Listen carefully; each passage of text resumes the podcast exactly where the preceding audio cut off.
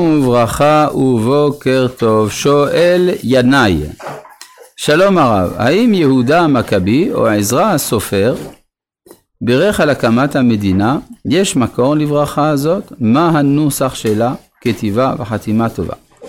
ברור שעזרא הסופר לא יכול היה לברך על הקמת המדינה כיוון שהוא לא הקים מדינה, השלטון נשאר בידי מלכי פרס.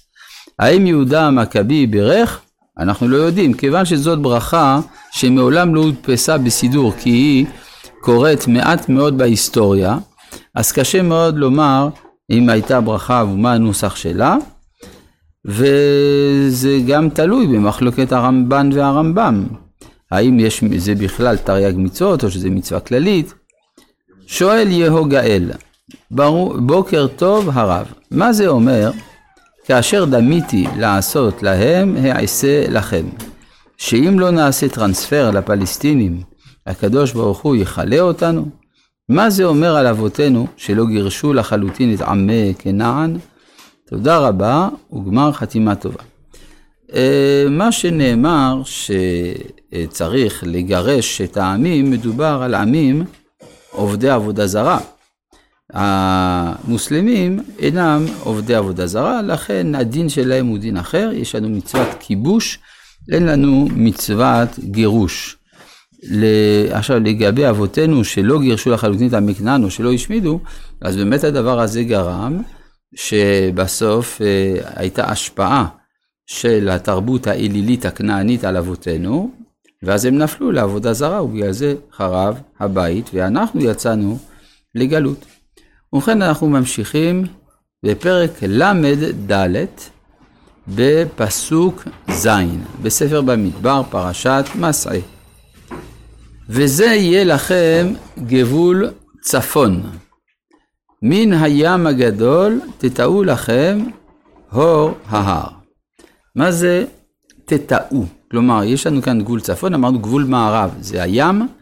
עכשיו, הור ההר זה הר, שנמצא בצפון, ייתכן שנקרא הור ההר, כי זה הר על גבי הר, על כל פנים זה הר גבוה מאוד.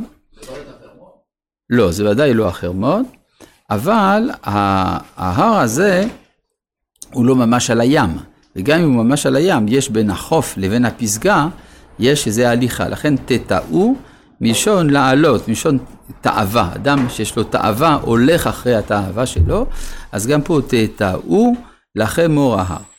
איפה זה אור ההר? יש בזה משהו כמו חמש שיטות שונות. השיטה הדרומית ביותר היא שמדובר בראש הנקרה. השיטה הצפונית ביותר היא שמדובר בטאורוס אמנוס, שנמצא היום בטורקיה במחוז אלכסנדרטה, והדעות האמצעיות זה בין שניהם. יש מי שאומר שזה הר בניאס, יש הר שנקרא הר בניאס בסוריה. בקיצור, כל ההרים שהם קצת גבוהים והם על החוף, של, ה, אה, של החוף המזרחי של הים התיכון, הם מועמדים להיות הור ההר. עכשיו, מה שמעניין, יש שני הור ההר לפי זה. יש הור ההר בדרום מערב ארץ ישראל, איפה שאהרון הכהן עלה ומת, ויש הור ההר בצפון ארץ ישראל, מצפון, מצפון מערב, לא, הור ההר הדרומי הוא, הוא דרום מזרח, ואילו הצפוני הוא צפון מערב, זה שני הקצוות של ארץ ישראל. זאת אומרת שיש כאן המושג של מה שנקרא גבול טבעי, שהשתמשו בו הרבה אה, במאה ה-19, אז גם פה אנחנו רואים התורה מדברת על סימוני גבול באופן שהוא ניכר לעין, ללא צורך במדידות מיוחדות. מאור ההר הצפוני זה לא מקום פרוטו של מאור ההר הצפוני, אתה צודק מאוד, זה לא מקום קבורתו של אהרון. זה כמין הר על גבי הר, ככה רש"י כותב לגבי הוראה של אהרון. עכשיו, יש מבחינה היסטורית, יכול להיות שזה ההר, יש איזה אליל מצרי בשם הורוס. אז זה ההר של הורוס. כן, הרבה פעמים הרי השמות של המקומות הם שמות אליליים קדומים, כמו נבו. הר נבו זה על שם האל, נבו, וכדומה. כן. כן, יכול להיות, יכול להיות, אני לא אומר שלא, יכול להיות שיש היום שני הור ההר על שם אותו מקור, או שאחד מקורו בזה והשני מקורו בזה, יכול להיות. הגמרא במסכת גיטין קורא, קוראת להור ההר כפלוריה. כפלוריה, כפל זה כפלוס, זה ראש ביוונית. כן? אז כאילו ראש ופלוריה זה גם כן בא מביטוי שמשמעותו הר. אז הוא ראש, ראש ההר. טוב, אנחנו לא יודעים. כל פנים יש כל מיני אה, דעות. יש הרמב"ם כתב על זה, כפתור בפרח כתב על זה. בכל מקרה מדובר בהר שהוא גבוה והוא על הים, מן הר הכרמל, רק שאף אחד לא חשב שהכרמל יכול להיות אור ההר.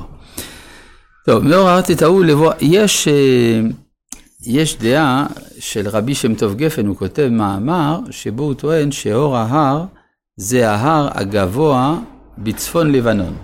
ואז יוצא שזה לא על חוף הים, אלא שצריך מהים, מה, מסוף הגבול הימי, לעשות, למתוח קו אלכסוני עד הפסגה של ההר הגבוה בלבנון, בצפון לבנון.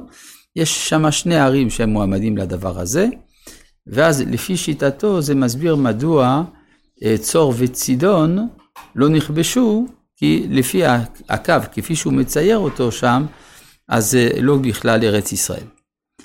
טוב, אה, בקיצור, המחקר עוד לא נגמר בנושא הזה. מאור ההר תתהו לבוא חמת, והיו תוצאות הגבול צדדה. מה זה לבוא חמת? האם צריך להגיע עד חמת או עד לבוא חמת? אם זה עד חמת, אז זה מאוד צפוני. חמת, אומרים חז"ל, זו אנטיוכיה. אנטיוכיה זה במחוז אנטקיה, אנטקיה, אנטיוכיה, שוב באזור של אלכסנדרטה, ב, אה, היום זה בטורקיה, פעם זה היה שייך לסוריה. בקיצור, זה האזור של אותו טורוס אמנוס. יש מי שטען אה, שאנטיוכיה אין הכוונה לאנטיוכיה המפורסמת, אלא יש בקעת אנטיוכיה בדרום לבנון, ושזה שם. אז שוב, אז תמיד השאלה, כי השמות האלה הם שמות שיש להם הרבה זיהויים, כלומר יש הרבה מקומות שנקראים באותו שם, ולכן קשה לקבוע. וזה יהיה לכם גבול, אז מילה, אה, סמיור ארתו לבוא חמת, והיו תוצאות הגבול צדדה. איפה זה צדדה? אם היינו יודעים זה היה פותר הרבה בעיות, רק שלא יודעים. אותו דבר לגבי המקום השני, ויצא הגבול זפרונה. והיו תוצאותיו חצר עינן, זה יהיה לכם גבול צפון.